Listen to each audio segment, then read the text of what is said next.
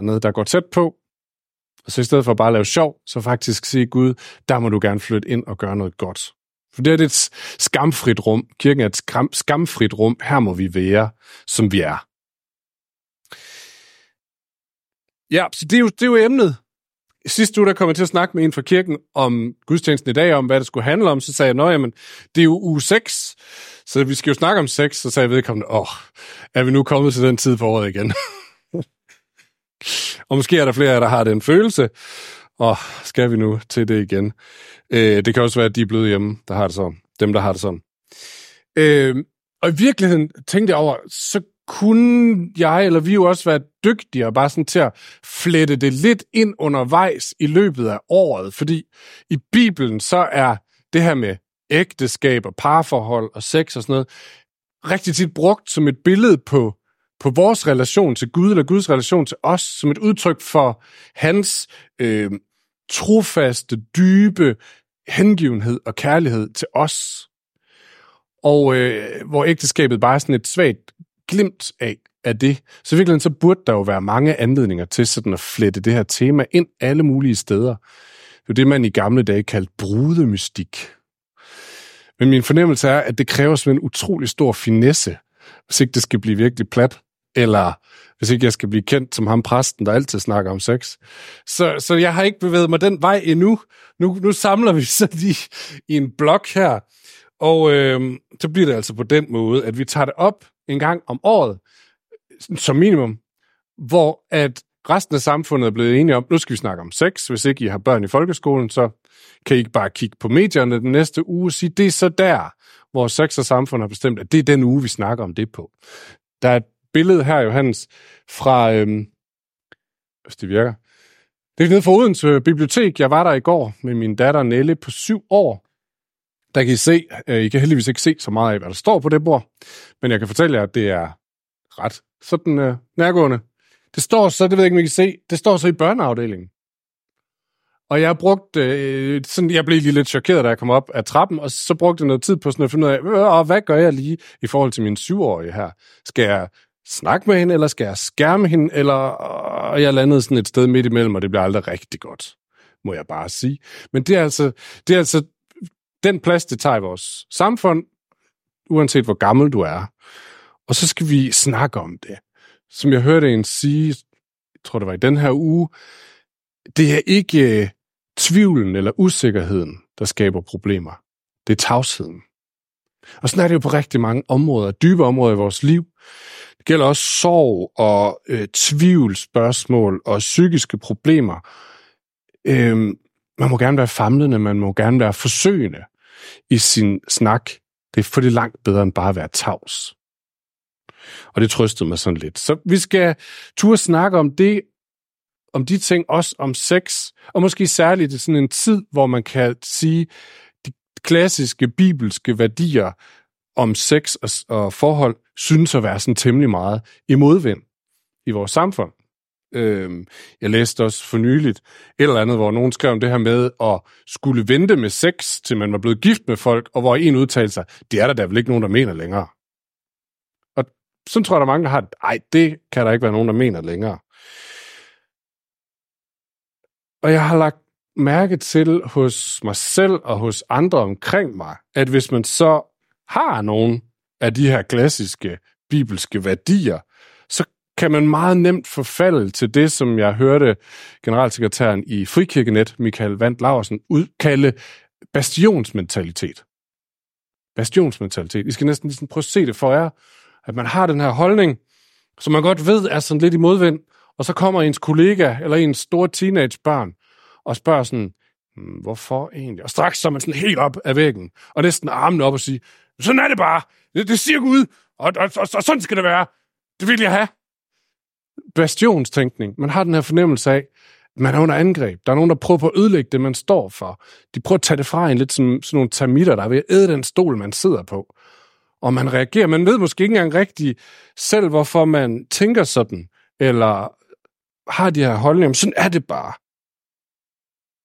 Og bastionstænkning kommer der særligt noget særligt, eller sjældent noget sådan særligt konstruktivt ud af. Det bliver mere bare sådan, så står man der. Så måske kan man gå en anden vej. Måske kan vi begynde at tænke ikke så meget bastion, som folk er i gang med at angribe og tage noget fra, men måske mere som et fyrtårn. Et fyrtårn, som kaster glimt af lys ind i noget, som har brug for oplysning. Som kaster nogle lysglimt ind i noget, som er mørkt. Lad mig prøve at forklare lidt mere. Øhm, her i foråret, så læser vi øh, bibelteksterne her i kirken ud med et enkelt spørgsmål for øje, nemlig spørgsmålet, hvad er egentlig det nye her?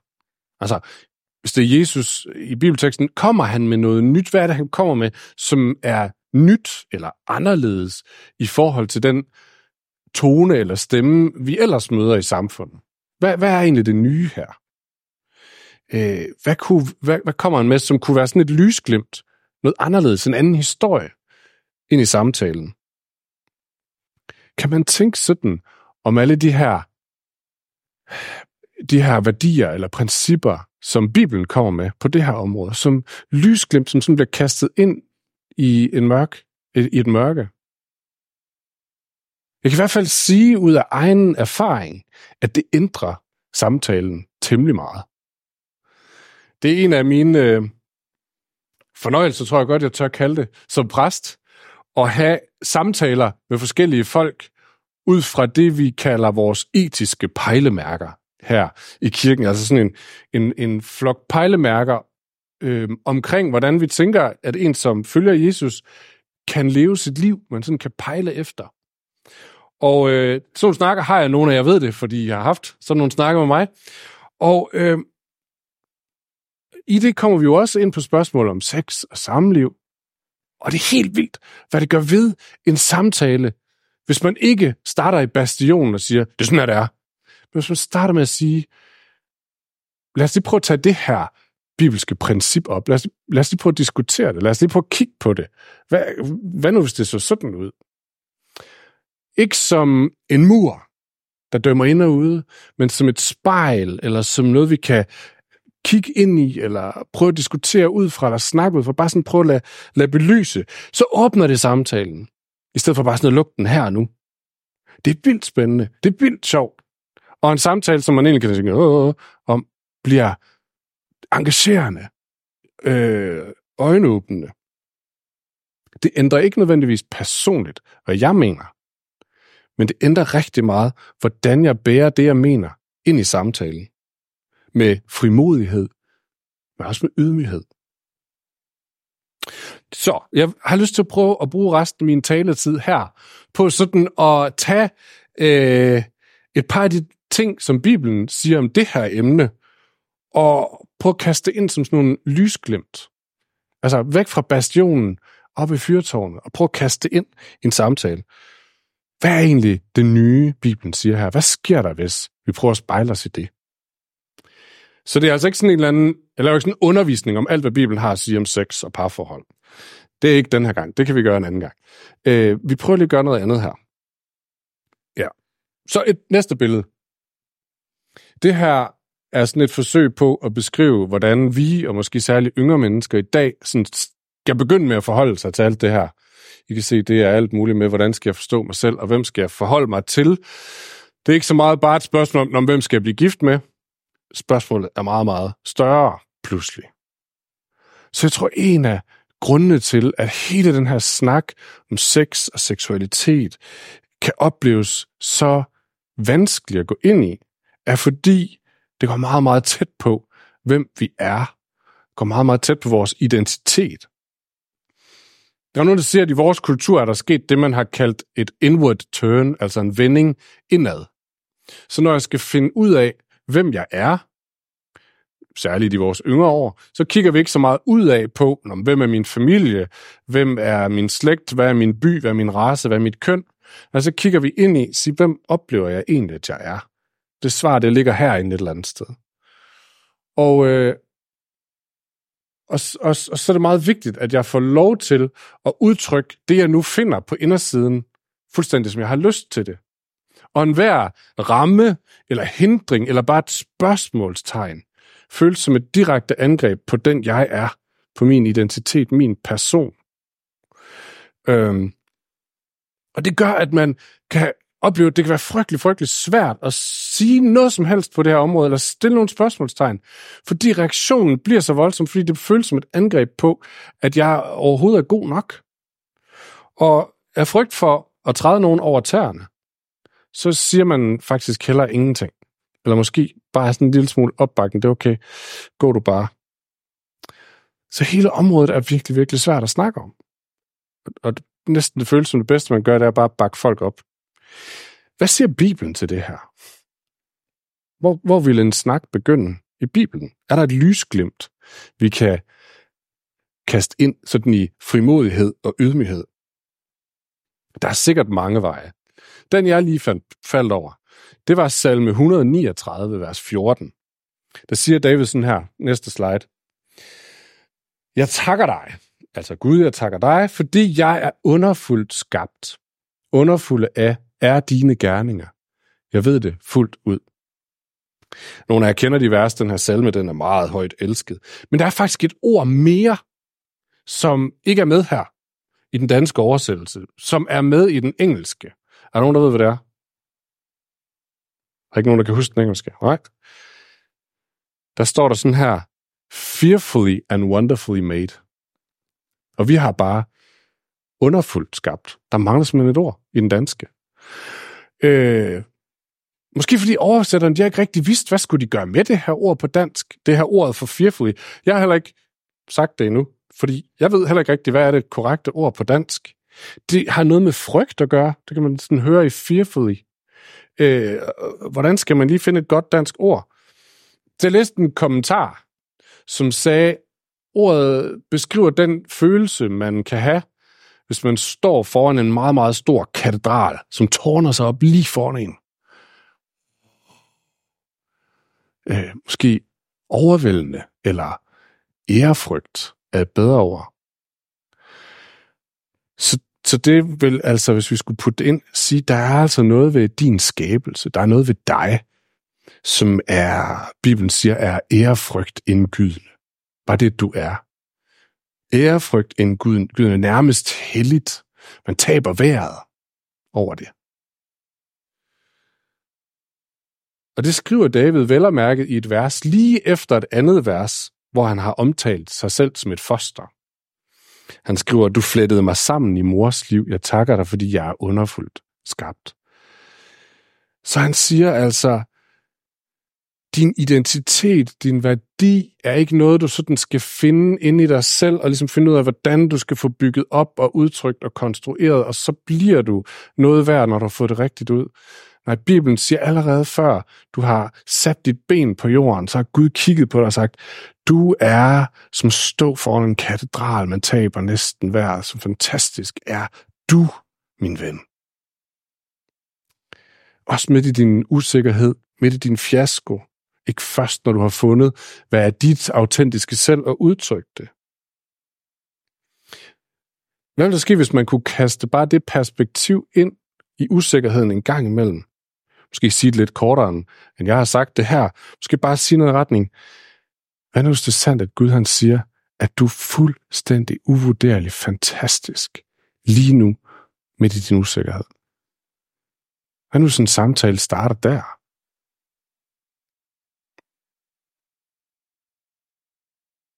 Hvad vil det betyde?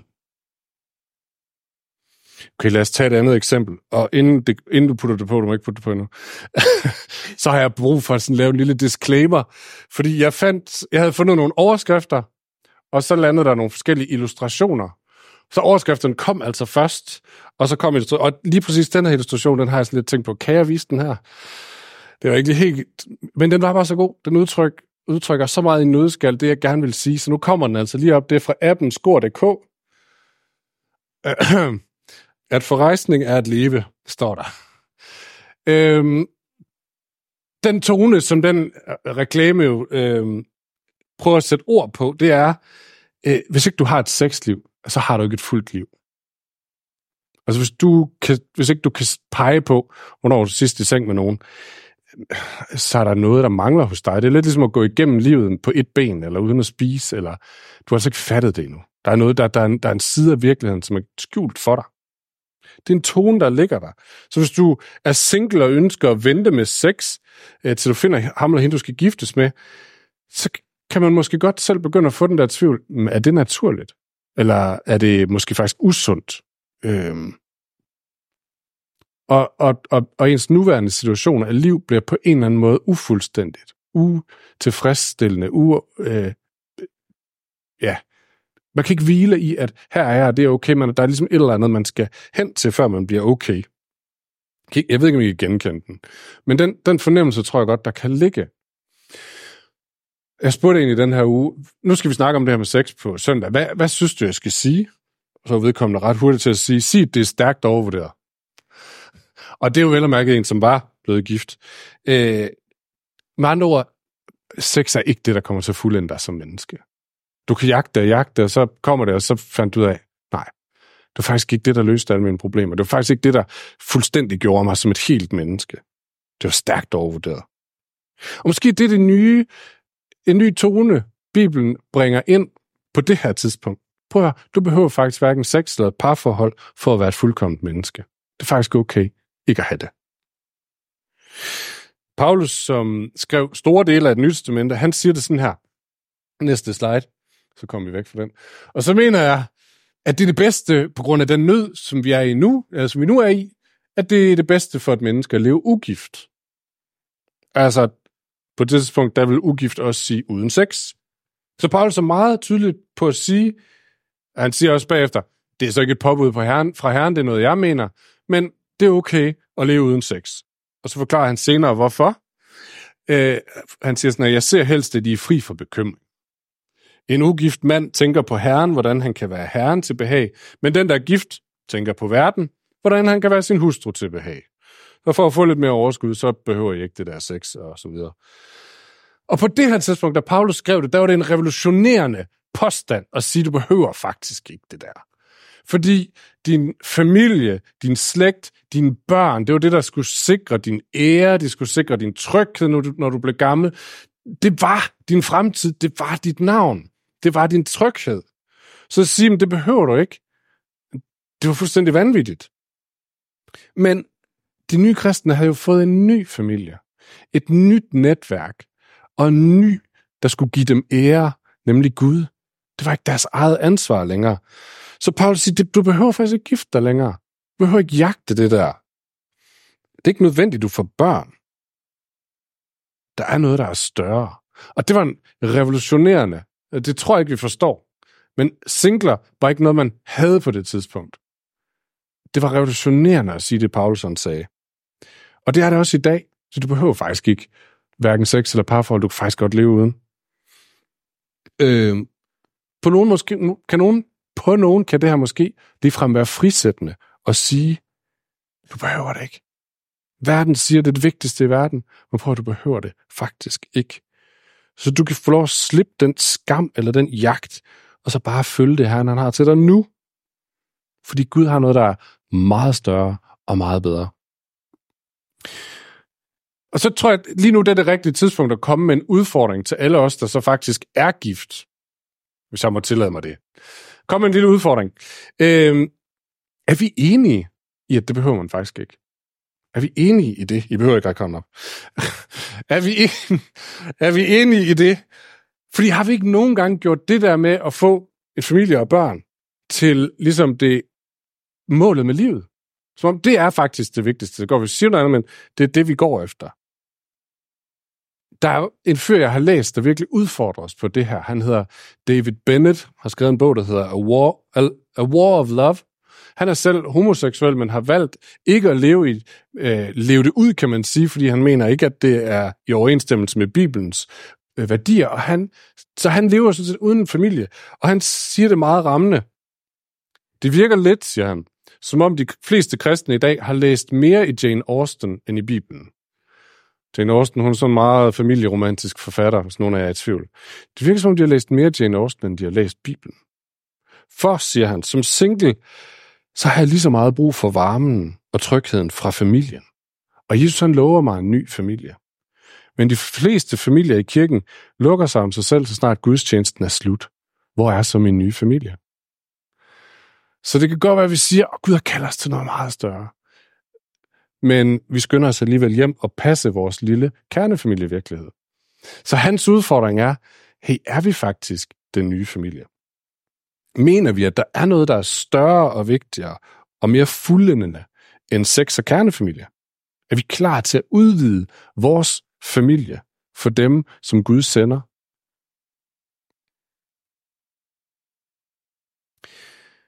Så det, der fuldender ens liv, er den her pointe, er ikke sex eller kernefamilie.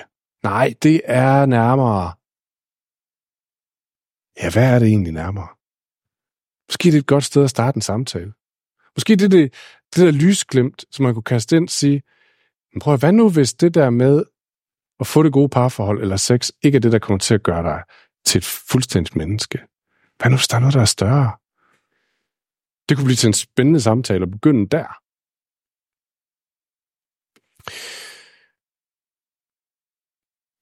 nu skal vi have en reklame mere fra Skor.dk. Jeg understreger bare lige igen, min pointer kom først, men så kom, så kom de bare med understregningerne bagefter, så jeg blev nødt til at tage dem, for jeg synes, de var så gode. Den fandt jeg i øh, Føtex. Man kan faktisk se mig på cyklen bagved. Øh, Føtex Vesterbro, lige herover. I kan se den vej over til bilen, hvis jeg holder derovre. Øh, vi bytter hele over, og det er altså en dating-app. Hvad er påstanden, der ligger under her?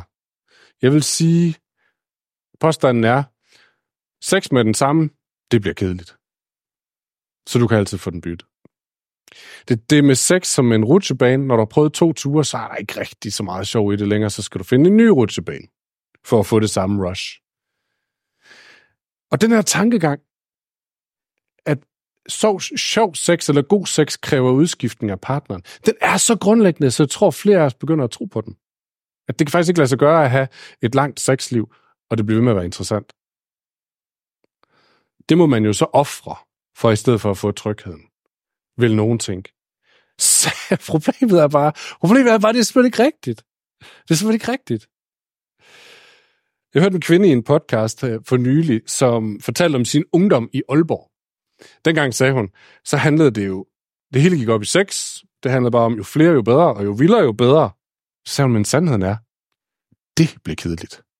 For det er jo det samme script hver fredag aften. Der var ikke noget spændende i det efterhånden. Og hun siger, det kan vi jo så tænke over, hun siger, det spændende i sex er ikke bare kroppen. Det er ansigtet. Ansigtet som sjælens spejl. Fordi hvis det ikke er med ansigt, hvis ikke der er noget ansigt, så er det bare to anonyme kroppe, der gør monotone dyriske bevægelser. Og så kan det være fuldstændig lige meget, om det er en ny hver uge, eller om det, altså, der er ikke noget spændende, men med ansigtet, så sker der pludselig noget usagt. Så det er to sårbare mennesker, som gør sig sårbare over for hinanden, og, og, og sætter alt på spil i et desperat håb om at blive modtaget for den, man er. Jo bedre man kender hinanden, jo mere går man på opdagelse med i den anden sjæl på en eller anden måde, og bliver selv opdaget. Men det er også der, det bliver svært. Vi så er jeg jo på spil, så er der jo rigtig meget på spil. Der er nogle nye undersøgelser, som viser, at flere og flere unge drenge begynder at have rejsningsproblemer. Det plejer altså at være sådan noget for mænd over 50. Flere og flere unge drenge. Og man mener, at det skyldes øh, det har meget stort forbrug af internetporno, som har gjort det meget, meget nemt at være meget anonyme på afstand. Men når der pludselig står et rigtigt menneske med øjne og et ansigt og en sjæl, så bliver de helt livløse. Fordi der er det for meget, det er for svært. Der er for meget på spil. Men det her, magien, mystikken, det, det øh, er mærkeligt opstår, som gør, at det kan blive ved med at være spændende. Så er der også en anden undersøgelse. Den er vist lidt ældre, og vist også fra Tyskland, så jeg ved ikke, man skal tro på den. Men den siger faktisk, at dem, som har den bedste sex, og det er noget med mål på antallet af orgasmer og antallet af, hvor tilfreds man selv er med det, det par, der har været gift med hinanden i mere end 15 år, og ikke har haft sex med andre. Jeg siger det bare lige. Det, det, det er simpelthen undersøgt. Så hvad er det nye her? Hvad er glimtet fra fyrtårnet, som man kunne prøve at kaste ind i sammenhængen? Måske kunne man formulere det, som, øh, som det står i første Mosebog, Derfor forlader en mand sin far og mor og binder sig til sin hustru, binder sig, binder sig til sin hustru, og de to bliver et kød. Det bliver citeret til alle vis, så det kan godt være, at det bliver sådan en lille smule tørt og konformt, men det kommer der ikke meget samtale ud af at begynde der.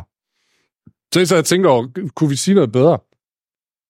Hvad med det her? Det er så godt. Forbundet, forpligtet.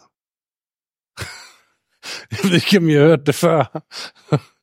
det, det er kong Frederiks nye valgsprog, og det kan godt være, at jeg bliver taget for majestætsfornærmelse herude bagefter ved at blande ind i den her sammenhæng. Jeg synes bare, det kan et eller andet. Jeg synes bare, det kan noget. Hvad med at starte en snak om sex, og det med, hvem man skal have sex med, hvornår? Med det her spørgsmål, for mig at se, så et godt sexliv, det har noget med forbundet og forpligtet at gøre. Forbundet, som betyder, at vi er tættere på hinanden, end bare en armslængde. Du skal ikke bare lukke hende ind i din, under din dyne. Hun skal faktisk få lov at komme ind i dit hjerte, ind i dine kvaler, ind i dine drømme, ind i dine frustrationer.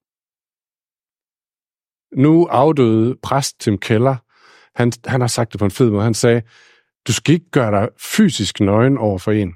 Du ikke er klar til at gøre dig nøgen på alle områder af livet. Det er forbundet. Det er forbundet. Og forpligtet betyder, du ved, hvor du har mig. Jeg smutter ikke lige i morgen. Du ved, hvor du kan regne med hos mig.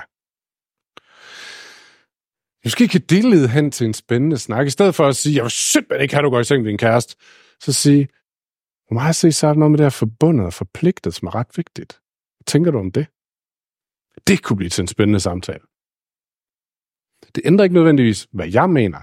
Det ændrer bare noget, noget på, hvordan jeg mener det. Og det ændrer samtalen. Så kan vi pludselig få, så kan vi pludselig få lov at have samtaler, vi ellers ikke kan have. Okay, afslutning. Jeg har ikke flere billeder fra skor.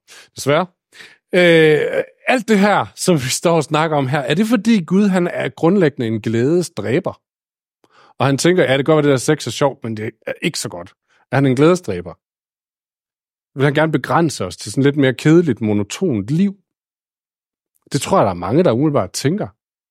Øh, og jeg tror, ham, der sidder i bastionen, han er måske dybest set bange for, at det er sådan Gud, han er. Men nu må jeg jo stå på mål for ham. Men jeg tror virkelig, virkelig, virkelig, det er løgn.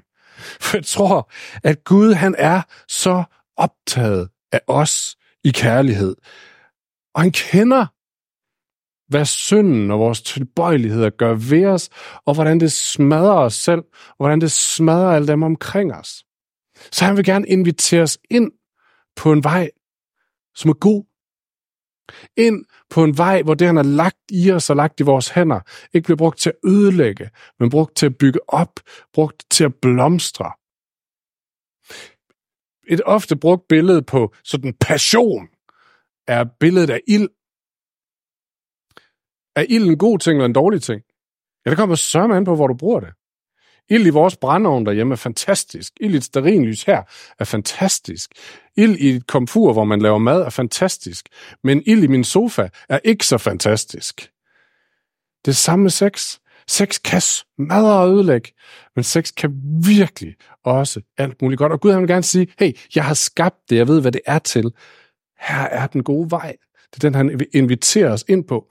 Og, og, og det, det, det, det, det, det lysglimt, vi måske ikke har, men som vi kender, og som vi må være med til at sige, lad os prøve at kaste det ind i noget af det, som er så plumret, og så rodet, og så smertefuldt i dag. Lad os prøve at kaste det her lysglimt ind, se, kan det redde nogle tråde ud? Kan det bane noget vej? Kan det, kan det skabe noget klarhed?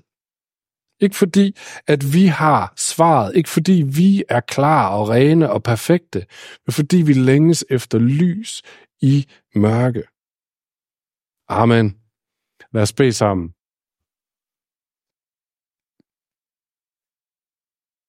Jesus, vi har brug for lys. Vi har brug for noget. Vi har brug for retning. Tak fordi du er glædens Gud, passionens Gud.